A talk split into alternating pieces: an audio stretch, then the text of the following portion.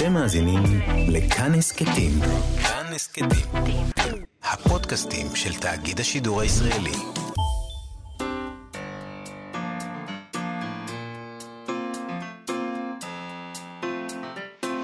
מה שכרוך עם יובל אביבי ומה יעשה לה. שלום, צהריים טובים, שמחים שהצטרפתם אלינו למה שכרוך, מגזין הספרות היומי של כאן תרבות ב-104.9 ו-105.3 FM. איתי באולפן היום מירה וקסלר ודרור רוטשטיין שעושים איתי את התוכנית, יובל אביבי עדיין בחופשה. כך כותבת ונסה ספרינגורה בפרולוג לספרה ההסכמה. שנים רבות כל כך אני סובבת סחור סחור בכלוב שלי. חלומותיי גדושים רצח ונקמה. עד היום שהפתרון מתגלה סוף סוף לעיניי, ברור כשמש. תפסי את הצייד במלכודת שלו עצמו, כלאי אותו בתוך ספר. בספר ההסכמה, שרואה אור עכשיו בהוצאת תכלת, בתרגום מצרפתית של רמה איילון, ונסה ספרינגורה מספרת את סיפור מערכת היחסים שלה עם סופר צרפתי מהולל, גבריאל מצנף. מדובר במערכת יחסים שהתחילה לפני איזה כ-30 שנה. כשהכירו היא הייתה בת 13 והוא בן 49. והוא לא היה אדם שמתחבא, וגם לא היה לו צורך להתחבא. לא בחברה הצרפתית שלפני כמה עשורים, הוא דיבר בחופשיות על חיבתו לילדות קטנות וגם לילדים. אה, יש איזה טקסט שלו שהוא אפילו דיבר על זה שעד גיל 17 הוא אוהב אותם, אחר כך זהו, זה מתקלקלים. היא מתארת בספר איך הוא חיכה לה מחוץ לבית הספר, איך אימא שלה ידעה על מערכת היחסים הזאת, בעצם אה, הם הכירו דרך אימא שלה. בסביבה האינטלקטואלית הצרפתית אז, מצנף נחשב לשובב כנראה, וכתב ספרים על חיבתו לילדים. הוא פרסם ספרים אוטוביוגרפיים בהם תיאר את היחסים האלה עם ילדות וילדים, והיא הייתה אחת מהילדות האלה. Uh, היום ונסה ספרינגורה היא, היא העורכת הראשית של הוצאת ג'וליאר, והיא מתארת בספר הזה איך זה היה. היא תופסת אותו, את מצנף, במלכודת של עצמו, קולט אותו בתוך ספר. שלום לעורכת הספרות המתורגמת של הוצאת תכלת, רוני בק. היי, מאיה. שלום לך. אז רוני, יש משהו, אה, משהו, אחד הדברים שמעניינים בספר הזה מבחינתי, זה שיש בו משהו מאוד מאוד מוחזק. כותבת בקשיחות, באיפוק, על, ה, על, ה, על קורותיה. כן, אני חושבת שזאת גם תגובת אה, אה, נגד שלה מול הכתיבה של אה, גבריאל מצנף, ש... אה, נחשבה מאוד לירית ומאוד uh, מצועפת, גם במכתבים שהוא כתב לה כשהיא הייתה בת 14 וחיזר אחריה בעצם, וגם בכתיבת היומנים שלו, שבהם היא מככבת גם. ואני uh, חושבת uh, שאחד הדברים שבאמת uh, uh, היא לקחה איתה, אם נקרא לזה קשר בין מה, ש... מה שהיה ביניהם, זה התחושה המאוד מאוד חזקה שהוא גם גזל לה את הקול שלה. כן. ו... היא שם ו... נכון? אה, היא קוראים באות V. כן. והיא קוראת לו, פה אצלנו בספר קוראים לו ג'. היא עושה כן. לו את אותו דבר. היא עושה לו את אותו דבר, הוא גם כן פינה אותה V ביומנים ובספרים שלו. אה, ובתור מי שראתה את עצמה מגיל צעיר, כמי שרוצה לכתוב, כמי שרוצה להיות סופרת, אחרי מה שקרה איתו, היא בעצם הפסיקה לכתוב. לעולם לא לכתוב יותר ספרים. ו, אה, וברגע שהיא אה, בוחרת את הקול שלה ומחזירה לעצמה את הקול שהוא הפקיע ממנה בספר הזה, היא כותבת באמת בצורה מאוד מאופקת, מאוד מדודה. מאוד, זו כתיבה שמאוד מרשימה אותי, כי uh, מבחינת הקראפט, מבחינת היכולת שלה לכתוב, גם כמובן uh, עשרות שנים של ניסיון כעורכת באות לידי ביטוי כאן, כן. אבל גם היא יודעת, זה, לא, זה לא כתיבה סנסציונית, uh, היא כותבת מאוד מאופק, היא יודעת איפה לעצור, מה גם שאת רוב הדברים הוא כבר כתב עליהם. הוא סיפר, כן. כן, כן, כן, הוא עשה את העבודה הזאת. אה, אחד הדברים המעניינים בספר, מעבר לאיש הזה, אוקיי, זה היה האיש, זה, זאת הייתה דרכו, זה החברה. האופן שבו היא מתארת את החברה, ואת החברה שבה כל הדבר הזה התנהל, אה, לא, לא בסודיות אה, מאוד גדולה, הוא חיכה לה מחוץ לבית ספר. לא ממש התחבאו. הם לא התחבאו, הוא חיכה לה ולנערות אחרות מחוץ לבית הספר. ההורים ידעו, המורים ידעו, התלמידים ידעו. אמ, זו חברה שאני חושבת עכשיו מתחילים בצרפת אה, אה, לתת דין וחשבון על כל המעשים שנעשו אה, בשנים האלה. וזה צומח על רקע של, של שני דברים מרכזיים בחברה הצרפתית באותן שנים. גם סוג של אה יציאה מתוך אה, מה שהמבוגרים אז גדלו עליו, המרד הסטודנטים של 68, כן. אה, הכל מותר, אסור לאסור. אה, כל הפילוסופים הגדולים של אותה תקופה, כל אנשי הרוח, באמת ראו באיסור על אה, מיניות של ילדים אה, משהו שהוא אה, נוגד את הטבע. כן. אה, אז זה, זה בא לידי ביטוי במכתבים למערכת, בעצומות שהם חתמו עליהן, אה, בשלל אה, דרכים שבהן הם לא ראו צורך להעמיד לדין אנשים שניצלו מינית ילדים. אה, ודבר נוסף שעד היום קיים בצרפת, זה אה, העיניים שנישאות אל, הסופרים, אל אנשי הרוח, שהם כמו מין איזה שכבת אריסטוקרטיה שמותר לה הכל. נכון, הם מעל החוק. כן. זה גם, אה... זה, זה גם פה קצת ככה היה בתקופות מסוימות, אני חושבת. בכל מקום, בכל כן. מקום, כן. האינטלקטואלים, הם מותר להם, הם, לא, לא האינטלק, האינטלקטואלים והסופרים, מותר להם איזה דברים שלנו אסור. הם כאלה כן, משוגעים. כן, הם אנשי אומנות, כן, מה, אז בדיוק. נכון, אני גם רואה את זה ככה הרבה פעמים. זאת אומרת, לא ברגע שזה מתקרב וזה בסביבה שלי אולי, אבל כשאת יודעת, אנחנו מסתכלים על כל מיני סופרים גדולים עם התנהגויותיהן הקטנות, אנחנו סולחים להם על זה, כמובן. ככה אנחנו רואים את זה. סולחים להם בקלות מדי, כן. נכון, כן. נכון. אוקיי. איזה תגובות היו לספר הזה בצרפת? בכל זאת, תראי, זה סופר שבארץ הוא לא ידוע, אני לא חושבת שהוא תורגם לעברית, אבל שם הוא מאוד מאוד ידוע, הוא משתתף, אה, משתתף קבוע היה באפוסטרוף, בכל מיני... זה, זה אחד האנשים הידועים שם. אנשים קראו את הספרים שלו, איך הגיבו לספר שלה? Um, הוא באמת אחד הידועים בצרפת, הוא נחשב לאחד מהקלסיקונים המודרניים uh, ומעמודי התווך של, uh, של הרוח הצרפתית. הוא לא תורגם לעברית, הוא לא תורגם גם בהרבה שפות אחרות, אני חושבת שבעיקר משום ש... Uh, רוב הקורפוס שלו, הוא, הוא כתב גם אה, אה, רומנים, אבל רוב הקורפוס שלו זה באמת ה... היומנים והמכתבים וספרי אה, אה, מאמרים שהוא, שהוא הוציא, אה, ואת אלה פחות נוטים לתרגם. אגב, את חושבת שזה בגלל שזה יומנים, או שזה בגלל שהוא מתעסק שם עם ילדים וילדות מאוד קטנים, והוא כותב על זה, ויכול להיות שבכל זאת ישראל... מחוץ לצרפת זה פחות. פחות היה נהוג. אני רוצה להאמין שהקולגות שלי בזמנו אה, אה, ראו את זה ואמרו, לא, לא, לא בבית ספרנו. לא, גם ישראל אה, דווקא היא... ישראל זה מקום מאוד מאוד שמרני, תמיד היה. אז uh, תארי לך שהיו מוציאים דבר כזה פה בשנות ה-60. ואנחנו בדיוק חוגגים את uh, שחרור הכותל, זה לא מתאים. גם בשנות ה-60 היו אצלנו. כן, כאלה. נכון. אבל באמת בצרפת זה התקבל בסערה גדולה מאוד, הספר יצא בינואר 2020. אה, ומיד עשרות אלפי עותקים ממנו נמכרו, ו, ובעצם הדבר המשמעותי שקרה זה שמשטרת צרפת החליטה לפתוח בחקירה נגדו.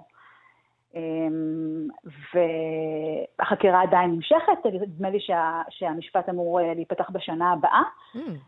הוא עצמו, עד כמה שאני מבינה, לא נמצא כרגע בצרפת, הוא אפשר לקרוא לזה אולי ברח. אה, הוא אה, נמצא במקום אה, בלי, בלי, בלי הסכם הסגרה אולי. אני מאמינה שהוא יחזור למשפטו, כי באמת מדובר באדם שלא מבין את, את חומרת מעשיו.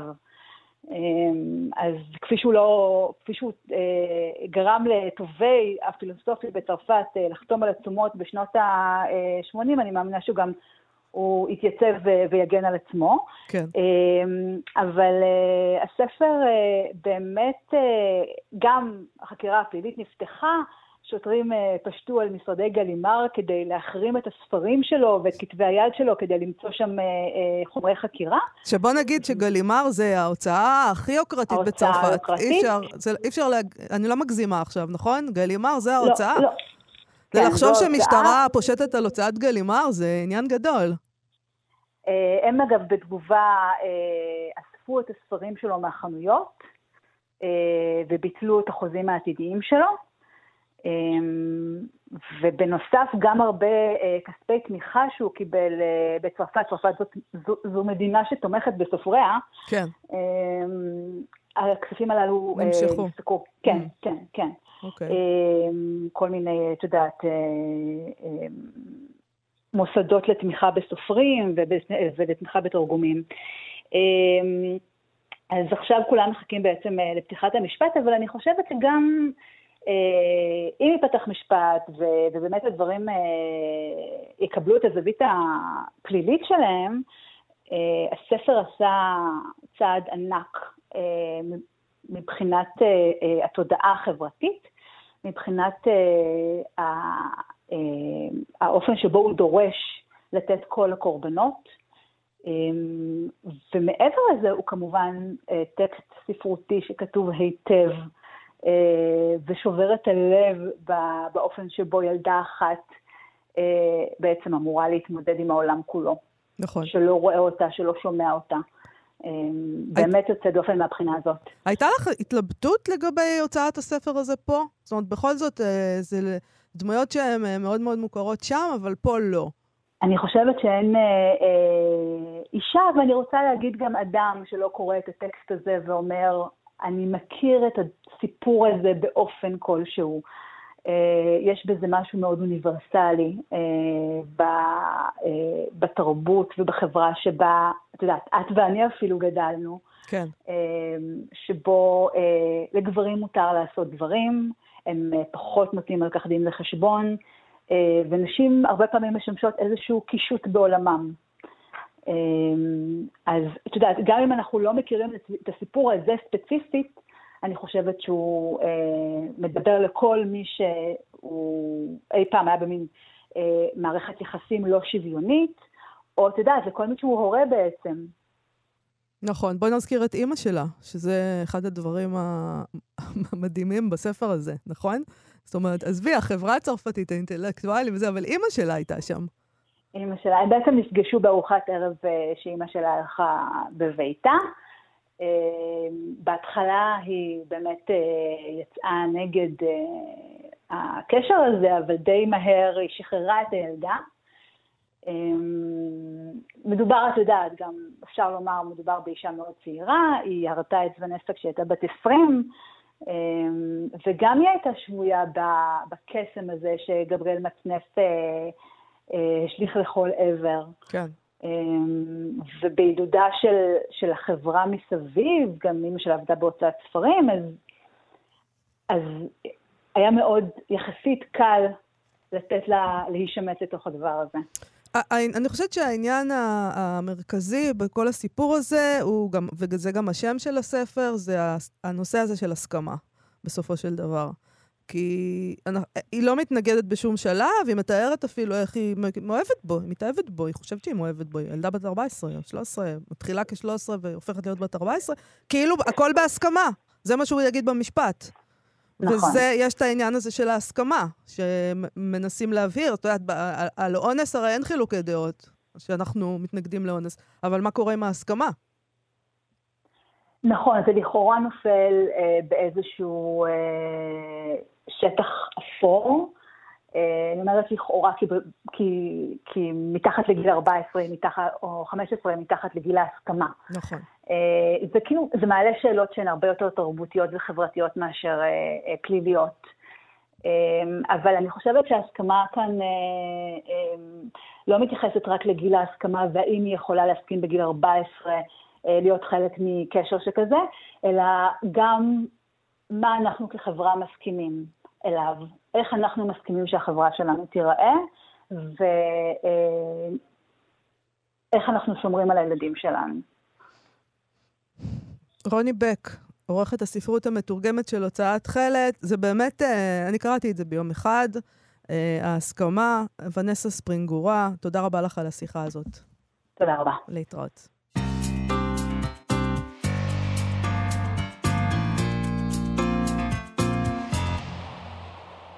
מה שכרוך, מגזין הספרות היומי של כאן תרבות, חזרנו. היום שבו התערערו חוקי בראשית הוא ספר חדש בסדרת מכתוב של מכון ון ליר, ספר שגם סיפור הוצאתו לאור יוצא דופן, אבל לא רק. מדובר בתרגום של כרוניקה מהמאה ה-18 שמתארת את שלוש שנות הכיבוש הצרפתי במצרים. היא נכתבה על ידי עבד אל-רחמן אל-ג'בראטי, היסטוריון מצרי שחי רוב חייו בקהיר. הוא תיעד באופן יומיומי את קורות הכיבוש הצרפתי מיום הגעת כוחותיו של נפוליאון בונפרט ב-1 ביולי 1798. או כמו שהוא קורא לזה, הרגע שבו התערערו חוקי בראשית. אה, זאת אומרת, זה איזה מין זווית כזאת שונה של העניין הזה שנקרא נפוליאון. Uh, המתרגם של הספר הזה, עמנואל קופלביץ', התחיל לתרגם אותו לפני 54 שנים. אז איפה הספר הזה היה עד היום? בואו נשאל את השאלה הזאת את דוקטור יוני מנדל, שהוא עורך משנה של סדרת מכתוב של מכון ון ליר, ומרצה בכיר במחלקה ללימודי המזרח התיכון באוניברסיטת בן גוריון. שלום, דוקטור יוני מנדל. שלום, מאיה. אהלן. אז תגיד, לפני שנדבר על הספר ומה שיש בו, בואי נדבר על המסע של הספר הזה אלינו, אל שולחני, אה, או של התרגום הזה לעברית. איפה הוא היה במשך 54 שנים? אמ, אנחנו בסדרת מכתוב, הרי יש לנו גם את הסדרה עצמה, שאנחנו מוציאים אה, ספרים אה, המתורגמים מערבית לעברית, במודל תרגום שהוא דו-לשוני ודו-לאומי, אבל אה, הסדרה הזאת היא בעצם תוצר של חוג המתרגמים. חוג המתרגמים החל לפעול במכון ון ליר לפני בערך ארבע שנים, ובמהלך החוג הזה, שבו חברים מעל מאה חברות וחברים של מתרגמות ומתרגמים יהודים וערבים, אנחנו ביקשנו מהחברים אם יש להם אולי איזשהו תרגום שנמצא במגירות, משהו שהוא לא פורסם, משהו שאולי אפשר להעביר אותו איזושהי עריכת תרגום, ולראות אה, אה, האם ניתן לפרסם את זה בצורה זאת או אחרת, בבלוג או כספר. וקיבלנו כל מיני הצעות מאוד מאוד יפות, אה, שחלקם בסופו של דבר אה, ראו אור בעיקר באתר שלנו ובמקומות אחרים. ובאחד המפגשים, זה היה בערך לפני שלוש שנים או ארבע שנים, ניגש אליי עמנואל קופלביץ, בזמנו, אז הוא היה כבן 95, וככה בסוף המפגש הוא אמר לי, תראה, האמת יש לי במגירות, יותר נכון בעליית הגג, תרגום משנת, אה, מאמצע שנות ה-60. אני תרגמתי את זה אז, הייתי באוניברסיטה העברית, ואני תרגמתי את עג'איב אה, אל-אסר פילטראז'ה מול עכבר, אותן כרוניקות של אל-ג'ברטי מהמאה ה-18. בעצם הספר הזה זה ספר שהמקורי, הוא פורס את ההיסטוריה של מצרים מ-1688 ועד 1821, אבל קופלביץ אמר לי, מה שאני תרגמתי זה את שלוש שנות הכיבוש הצרפתי במצרים, 1798 עד 1801. מה, הוא תרגם את זה לענתו, יוני? לא, ואם אתם רוצים, הוא אמר, אני מוכן לתת את זה לכם. Okay. מה אוקיי. שקרה זה שבזמנו היה איזשהו פרויקט תרגום, אנחנו מדברים על האוניברסיטה העברית, אמצע שנות ה-60, אחרי שהוא סיים את התרגום, מאיזושהי סיבה התרגום הזה נגנז. יכול להיות שזה בגלל אה, ויכוחים פנים-אקדמיים, העדפה של גרסה שנמצאת באוניברסיטת קיימברידג' שפורסמה עוד בחייו של אל-ג'ברטי, אל מול הגרסה הזאת שאנחנו מתרגמים, שגם כמובן תורגמה לשפות אחרות, שהיא אה, מה שנקרא מהדורת אל-בולק. היא פורסמה, היא פורסמה ב-1879 ונחשבת למהדורה שנעשו בה עוד עריכות ודקדוקים, אבל זה בכל מקרה הגרסה שהוא ערך. יכול להיות, אגב, שזה קשור לזה שזה היה שנות ה-60, ואנחנו מדברים פה על אה, היסטוריון... אה. מצרי, אחד. נחשב לראשון ההיסטוריונים הערבים המודרניים, אולי זה לא התאים אז כל כך. אה, תראי, אני חושב אבל שכן בסופו של דבר האוניברסיטה ואוניברסיטאות אחרות גם תרגמו אה, את, אה, את אל-ג'ברטי לשפה האנגלית, וכן, מהבחינה הזאת זה לא היה כל כך איום, בגלל שזה עדיין, אנחנו מדברים על המאה ה-18, ושזה לא היה קשור לזה. יכול להיות ששנת 1967 גם סימנה איזשהו watershed, אה, איזשהו קו פרשת מים מבחינת כן. priorities. אבל מה שחשוב להגיד זה שהכתב היד הזה הוא היה דרמטי מבחינתנו, את יודעת, הוא העביר לנו תיקייה חומה, עמנואל, והיום עמנואל לא מזמן הוא חגג 98, אז גם מדהים. זאת הזדמנות אה, להגיד טוב. אה, ממש, גם שמתרגם מדהים, שתרגם בין השאר, בין היתר, את אלמוקדימה של אבן חלדון ועוד יצירות נוספות, אז הוא העביר לנו את אותה תיקייה חומה עם מעל 400 עמודים אה, שהודפסו במכונת כתיבה, ואחר כך בעצם אנחנו התחלנו את כל העבודה שלנו במכתוב על, על הדבר הזה, וכשאני ככה חשבתי, הרי אה, אני לקחתי חלק גם בעריכת תרגום, אבל כל כך הרבה אנשים לקחו חלק בעריכה של הספר הזה, וזה רק, אני חושב שדרך האנשים אפשר לספר את מה שקרה ליצירה הזאת. היא הועברה אלינו, כמו שאני אומר, על תיקייה חומה של כמעט 400 עמודים, אה, שמודפסים על, אה, על נייר של מכונת כתיבה. אחר כך אנחנו העברנו את זה, חברנו אורי לוי אוס הקליד את זה במכון ון ליר. אחר כך הייתה לנו עריכה תרגום של ליעד ברגותי, עורך משנה של סדרת מכתוב. כן. דוקטור תמי צרפתי, היסטוריונית של המאה ה-18 וה-19, היא גם ערכה את זה אקדמית וגם אה, קידמה את אחרית, וגם כתבה את אחרית הדבר. פרופסור אבי רובין, שהוא ראש המחלקה ללימודי מזרח תיכון, אה, נתן לנו ייעוץ אקדמי, הוא גם היסטוריון של אה, חברה ומשפט באימפריה העות'מאנית. בסופו של דבר, עכשיו כשאני ככה נושם ומספר על הספר הזה, אני לא יודע אם זה רק אה, סיפוק והנאה וגאווה, או גם תדהמה שה... שהצלחנו להגיע לרגע הזה. זה, זה נס קטן של... או גדול. זה, זה, זה נס. נכון. זה, נס. זה ספר של 600 עמודים, יש בו גם, אה, צירפנו 20 תמונות ממוזיאון הלוברה שקיבלנו אישור להשתמש בהם, יש בהם את כל הביוגרפיות שגם אל-ג'ברטי עצמו הכניס לתוך הטקסט המקורי, יש שם בתי שיר שצייה לנו אה, עידן בריר לתרגם. בעצם זו היצירה אולי הכי חשובה מבחינת היצירות של אל-ג'ברטי, כי הן מתרחשות, הן עוסקות בשלוש שנים סופר דרמטיות.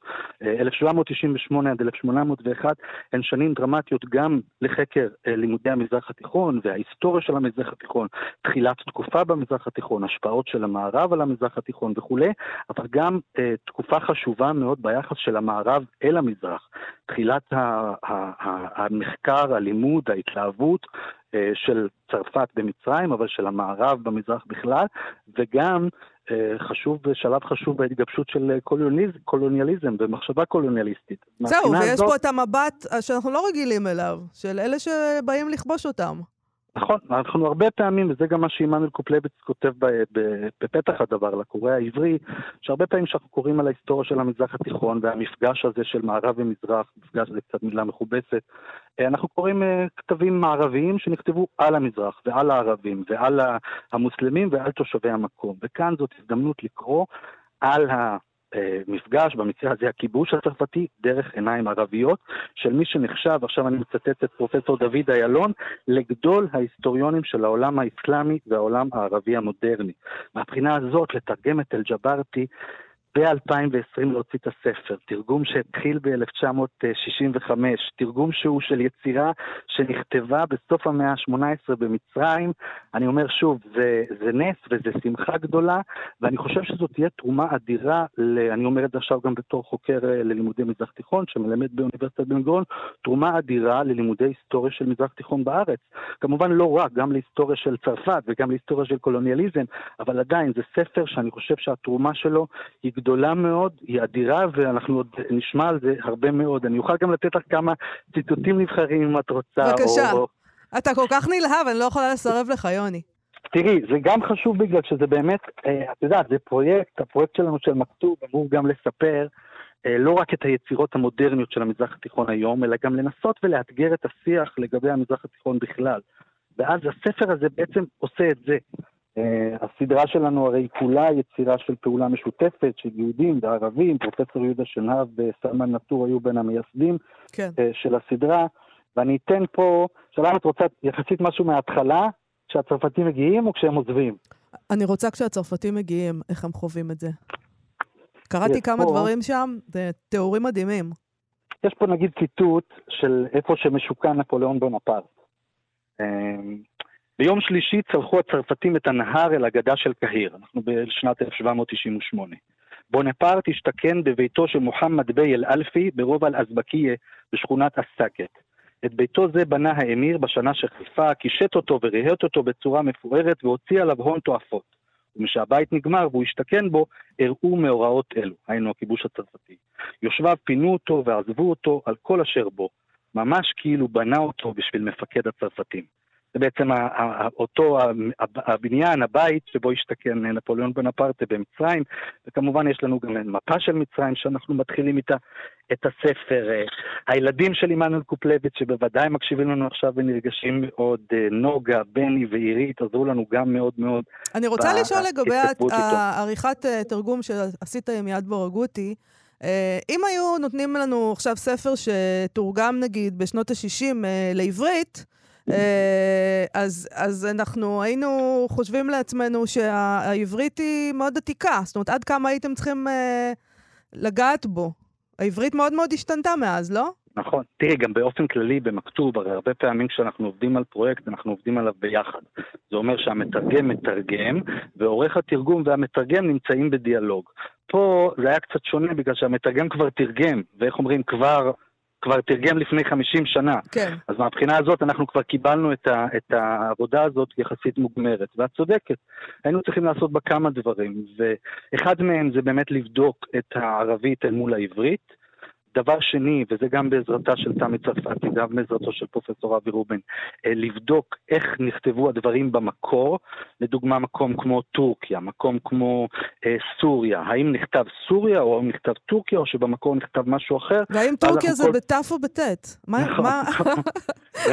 ואיך אנחנו, מה אנחנו צריכים אה, לציין לדוגמה בהערת השוליים. ואת צודקת כן. שלגבי השפה, אנחנו התלבטנו הרבה מאוד, ועבדה איתנו עורכת לשון בשם אמירה בנימיני נבו, אה, כשהמטרה הייתה אה, גם לתת בסופו של דבר מקום לשפה של קופלביץ' שמתארת את השפה של סוף המאה ה-18, אז אנחנו דווקא לא היינו רוצים ביטויים שהם רק מודרניים, אבל מצד שני כן לעשות התאמות שיתאימו לקורא העברי בשנת 2020, ואני באמת חושב שזה ספר שמתאים לתלמידי מזרח תיכון, אבל לא רק, לכל מי שמתעניין אה, במקום שבו אנחנו חיים ובהיסטוריה שלו. סטודנטים שלמדו עד היום לא קראו בספר הזה, או שהם פשוט קראו אותו, בער... נאלצו לקרוא אותו בערבית?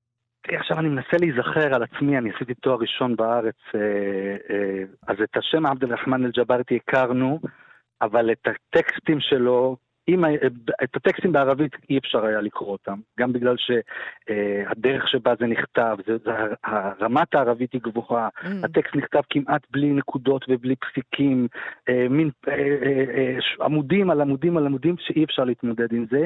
אה, נאלצנו ונאלצו לה, לה, להסתפק בתרגומים לאנגלית של אל-ג'ווארטי, כמובן עם הקושי הטבוע בזה, זה לקרוא שפה שהיא של סוף המאה ה-18 בשפה האנגלית ולנסות להבין את זה בקורסים שבדרך כלל ניתנים לעברית.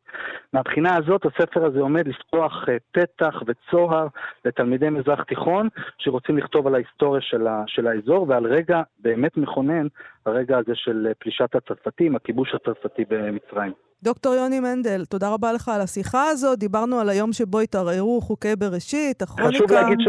נכון, שהערב הספר יתקיים ב-13 בספטמבר, והוא יתקיים בזום, וידברו... אה, השקה, נכון. נכון, דוקטור עדל, דוקטור עדל מנש, הוא היסטוריון של האימפריה העות'מאנית, פרופסור אבי רובין, שהזכרתי אותו קודם, שהוא היה אה, המלווה המחקרי שלנו, והעורכת האקדמית, דוקטור תמי צרפתי, כולם יהיו בערב ההשקה, 13 בספטמבר, ואני מאוד מאוד מקווה שגם אתם תזכו אה, אולי לקרוא ראיונות עם עמנואל קופלביץ, אולי גם ראיון רק איתו mm. על הספר הזה, הוא בן 98, אה, הוא, הוא, ואני מאחל עוד שנים מבסוט? טובות וארוכות, והדבר הוא... הכי, אולי לא, לא, אוקיי, גם משמח כמו הרבה דברים אחרים, זה שיכולתי לבוא אליו הביתה לעמנואל ולתת לו את הספר, ובאיזשהו מקום אה, לסגור מעגל.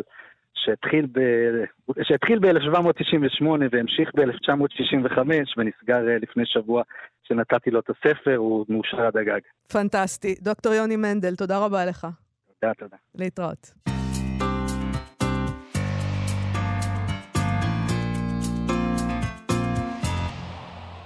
מה שכרוך בכאן תרבות, חזרנו עם צעד הספרים שלנו, אילי גרין מחנות הספרים המשומשים, האחים. גרין, שלום לך, אילי. אהלן. אז אנחנו, אני מבינה, מדברים היום על ספרים מיניאטוריים. נכון, רציתי לפתוח במשפט האם הגודל כן קובע. נו, מה, מה התשובה? שכן. שכן, אוקיי. אבל, אבל, אבל הפוך. טוב. כמה שיותר קטן, יותר טוב. אתה שלחת לי פה משהו באמת זערורי. נכון. אה, אז ספר, ספר, רגע, בוא נסביר קודם כל מה זה ספרים מיניאטוריים. אוקיי, okay, זה ז'אנר של אה, ספרים שהגודל אה, מגדיר אותו. בדרך כלל מדובר בספרים שקטנים מ-15 סנטימטר, זה מה שככה ביררתי ו... ומומחה אמר לי. הוא קיים בערך כ-200 שנה, אם לא טיפה יותר. בדרך כלל מדובר בספרי תפילה, אם זה תהילים, אה, או אם זה אה, נגיד הברית החדשה בגודל קטן. ויש אספנים בעולם שפשוט אוספים את זה, יש להם אוסף שלם של ספרים מיניאטוריים. אבל, אבל נגיד תהילים כזה קטן, אה, יש לי, אה, ש, כזה שסבא שלי נתן לי לפני 40 שנה בערך, עם כזה כריכה כזאת שכתוב עליה צבא הגנה לישראל, זה לא איזה נכון. דבר נדיר. לא כל כך נדיר, אה, עדיין אה, אני בטוח שאני אמצא את התהילים אה, הצה"ליים באוספים של אנשים שאוספים ספרים מיניאטוריים. כן, זה נראה להם אקזוטי, בטח בחו"ל בעיקר. לגמרי. צבא הגנה לישראל, תהילים, וואו. נכון, תמיד יהודים גם נורא אוהבים דברים. אוקיי. שקשורים לצה"ל, במיוחד אם זה גם דברים דתיים. אבל אני נגיד לא מזמן מכרתי ספר תהילים, 1790 אני חושב, שזה היה מזמורי דוד, אה, תהילים והברית החדשה ביחד, כרוך בכריכת אור. אה, עכשיו, הגדלים פה מאוד מאוד משתנים, כלומר, אני מכרתי ספר שהגובה שלו היה באזור ה-6-7 סנטימטר, mm-hmm. אבל זה גם נהיה הרבה יותר קטן. זה, יש ספרים היום שמייצרים במיוחד לאספנים, או במיוחד בשביל הקטע, שהם בגודל חצי סנטימטר. שזה משהו מזערי לחלוטין. אני חשבתי שזה, אתה יודע, שהתחילו לייצר את זה, כי היו צריכים אנשים לנסוע, ורצו לקחת איתם את הספרון אה, בכיס כדי לקרוא ברכבת או משהו. אני מניח ששם זה התחיל, ככה זה התחיל, אבל היום, אה, כמו כל דבר, אה, לוקחים את זה עד לקצה. יש שרשראות ששמים עליהם טיליון, שבתוך הטיליון יש ספר תהילים שלם, או תנ"ך שלם. ממש אה, מייצרים נגיד את אה, כל כתבי אה, פועדוב ראיתי ואליסה בארץ הפלאות, ב... ממש שזה נראה שזה נכנס לתוך בית בובות. אבל תגיד, זה לא מוריד מהערך של הדבר כשמייצרים אותו במיוחד לאספנים? זאת אומרת, נו, אז מה, אז מה זה משנה? אז מה הטעם בזה? לא? לא, המון, המון פריטים יוצאים במהדורות ביבליופיליות או במהדורות ממוספרות או מוגבלות, במיוחד בשביל שהאספנים אבל מה, אבל, אבל זה דבר שאפשר, שהוא מאוד זמין. לא, כל הרעיון של אספנות זה לא שזה לא נמצא ו... ואנחנו מחפשים שמא, את זה? או... זה לא הציד? אה, לא קוראים לך גם. צייד הספרים אחרי הכל? נכון, אבל דיברנו על זה כבר, שחוויית הציד היא, היא, היא קצת נפגמה בשנים האחרונות, כי הדברים זמינים יותר, אבל גם ספר שמראש מדפיסים אותו במעט עותקים, הוא ספר שהוא לאספנים בלבד. כלומר, הם קונים אותו היום, בידיעה שניתן להשיג אותו, אבל בעוד כמה שנים כבר לא יהיה ניתן להשיג אותו, והוא יהיה חלק מהאוסף שלהם. הבנתי, אוקיי. זה השקעה עתידית. אוקיי. Okay. אז התהילים האלה, ש... יובל בחופשה, אז אני, אני חייבת למלא את מקומו כמו שצריך. אז כן. התהילים שיש, שכתוב עליהם צבא הגנה לישראל, אה, כמה כסף זה שווה? לא שאני נותנת את זה. לא שווה לך למכור, זה שווה באזור ה-200 שקל כשמוצאים את זה, תהילים הקטנים מאוד. אה, הספר אה, תפילה שאני מצאתי נסגר סביב ה-600-700 שקל. אה, אבל אה, כמו בכל תחום היהדות והתחום של הכתבים התורניים, הם מביאים סכומים גבוהים יותר, אז שם באמת זה יכול להגיע גם לאלפי דולרים, אם יש ספר תפילה מיניאטורי. ראיתי שאתה שלחת לי גם קוראן וזה, זאת אומרת, אנחנו לא נכון. מדברים פה רק על תהילים. יש לא, ממש חדשה, לא... יש קוראן, ראיתי שייקספיר. נכון, כל נכון. הקדושים. באמת, כל הקדושים מגיעים לשם בדיוק, כל אחד והדת שלו. הבנתי. אוקיי, אז כן. uh, אני, אני רק רוצה לספר uh, שאחרי ששלחת לי את זה, נגיד שזה היה לפני יומיים או משהו כזה, נכון? נכון. הסתמסנו, ירדתי נכון. מביתי, ויש איזה מישהו אצלנו ברחוב, אתה חייב לעבור שם, לדעתי, כל יום, שכל יום מוציא רק כמה ספרים. הוא ממש עושה את זה במשורה, כאילו, הוא, okay. לא, הוא אוקיי. לא מוציא את כל הספרים. אז כל יום אני עוברת ומסתכלת על הגדר מה הוא זרק היום. ואחרי ששלחת לי את כל המיניאטורות האלה, היה שם תהילים קטן. כאילו, יכול להיות שהוא מאזין לנו, פשוט, אילי. לגמרי. אני חושב שאנחנו פעם הבאה נדבר על אה, דברים שווים ממש. אוקיי. אולי אשאיר לך איזה משהו. אני אתן לך את הכתובת, יכול להיות שיהיו שם דברים אה, שווים ל...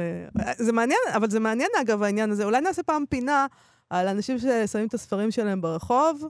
Uh, ועל הדרך שבה הם מציבים אותם. אני לא יודעת אם אתה עוסק בכך, אבל uh, אפשר לדבר על זה וגם על איך, באותה מידה, איך הם שמים נעליים ברחוב. אני מוצאת איזה מקבילות בין הדברים האלה. תקשיבי, לנו, לנו יש ספסל קבוע שאנחנו מוציאים uh, כל מיני עודפים שלנו וספרים שאנחנו כבר לא רוצים, ובאמת, אנחנו שמים שם ספרים, אני שנייה לקיוסק לקנות לעצמי בקבוק סודה, אני חוזר והספרים כבר נעלמו.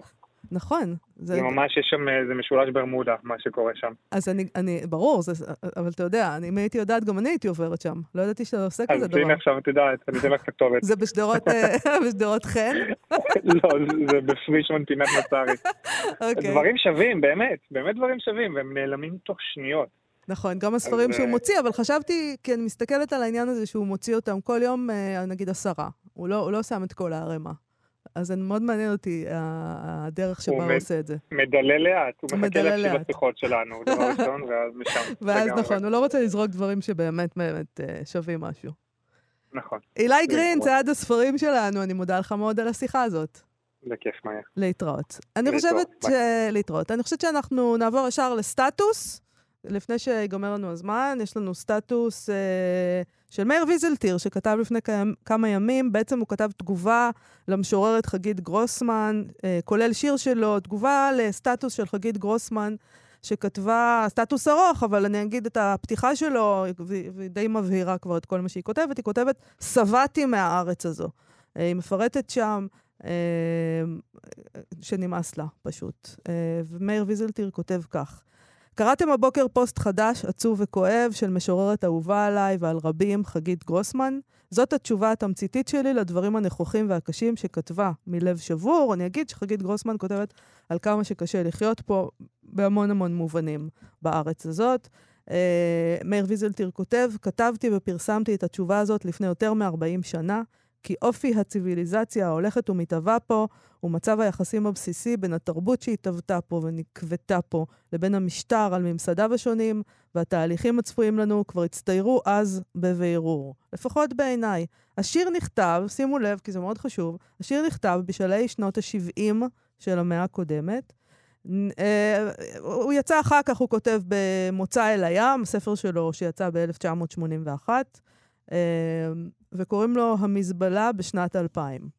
וזה לא פעם ראשונה שמאיר ויזלטיר כותב דברים שזה נראה כאילו נבואה כזאת, נבואה שמתגשמת. המזבלה בשנת 2000.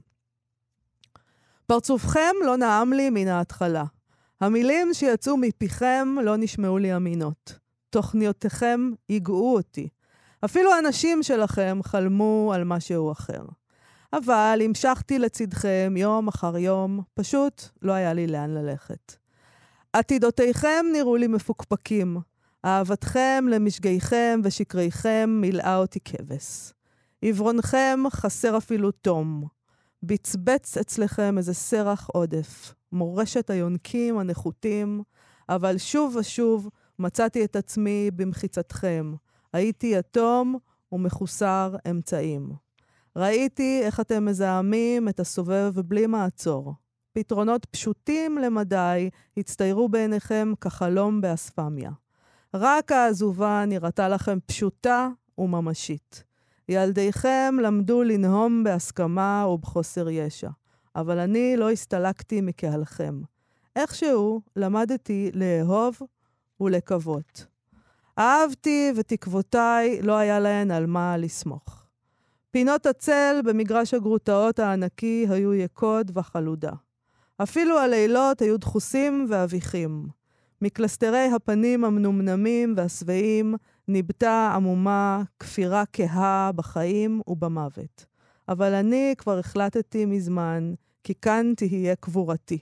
גופי ונשמתי הבשילו כפרי המזבלה הזאת. בטח הוא התכוון להגיד מזבלה, אבל אני אומרת מזבלה. Uh, טוב, אני, אז, אז זה משהו שנכתב בשנות ה-70, uh, כוון כאילו לשנות ה-2000, uh, והנה יצא שהוא מתאים uh, גם לעכשיו. Uh, אני רוצה לסיום uh, להציע משחק. זה משחק חדש שלמדתי עליו בפייסבוק, אני מניחה שגם הם המציאו אותו, uh, ואחרי השיר הזה של מאיר ויזלטיר, אני מרגישה צורך uh, לעודד אתכם. אז uh, למדתי על משחק שמתאים לימים חמים, ולכן אני משתפת. Uh, זה, זה, ראיתי את זה בפורום של ספרים, ששם כותבת נעמי ציון את חוקי המשחק. היא מציעה משחק שנקרא "הזעתי היום כמו ספרותי". Uh, uh, אני אסביר. הזעתי היום, היא, היא נותנת, הזעתי היום כמו רון כשהוא קלט שהרמיוני וקרום מתכתבים, אוקיי? הזעתי היום כמו, או, או לחילופין, הזעתי היום, כי חם, כן? כמו אליזבת בנט, כשמר דרסי תפס אותה מסתובבת לו באחוזה, אחרי שהיא סירבה נחרצות להתחתן איתו. ואז יש שם כל מיני תשובות משעשעות, ליקטתי כמה. נועה מנהיים כותבת, הזעתי היום כמו קין, כשאלוהים שאל, אי הבל אחיך? אה, מישהי כותבת, הזעתי כמו גברת בנט כשהמשרתת הכריזה על בואה של ליידי קתרין דה ברג. צריך פשוט, אה, זה לאנשים שקראו את אותם ספרים, זה, אה, הם, הם מכירים את כל הדמויות. נועה מנהיים כותבת, הזעתי כמו, ש... כמו אדמונד, כשלוסי אמרה, תגיד להם אד, נרניה אמיתית. Uh, אני חייבת להגיד שאני מזיעה מזה שאני צריכה לחשוב על uh, דמויות ספרותיות שמזיעות. זה, בשבילי זה כמו, זה, זה כמו תשבצי גאון, אני חושבת שאני לא קוראת ככה, אבל אני, אני, אני מניחה שאני יכולה לאמץ את מוחי ולהגיע לעיזתי היום כאלה. יכול להיות, אני אנסה לאבא. Uh, בכל אופן, הגיע זמננו לסיים, אז אין לי זמן להתייגע על כך עכשיו. Uh, אני רק אגיד שאני אהיה פה שוב מחר בשעה 12, כאן תרבות, ב-104.9 ו-105.3 FM. תודה רבה לדרור רוטשטיין ואירה וקסלר שעשו איתי את התוכנית. אתם מוזמנים, כמו בכל יום, לעמוד הפייסבוק של כאן תרבות, ולעמוד אה, הפייסבוק של מה שכרוך עם יובל אביבי, ומה יעשה לה? באמת, מתי יובל אביבי יחזור כבר? שאלה. אה, אחרינו, המעבדה עם גיל מרקוביץ', היום אה, פרק רביעי בסדרה. היום יום שלישי, נכון? אז זה היום הפרק הרביעי בסדרה, שבו יספר פרופסור ערן נוימן כיצד העידן הדיגיטלי משפיע על תחום האדריכלות, רעיונית ומעשית. תודה רבה לכם ולהתראות מחר. אתם מאזינים לכאן הסכתים. כאן הסכתים. הפודקאסטים של תאגיד השידור הישראלי.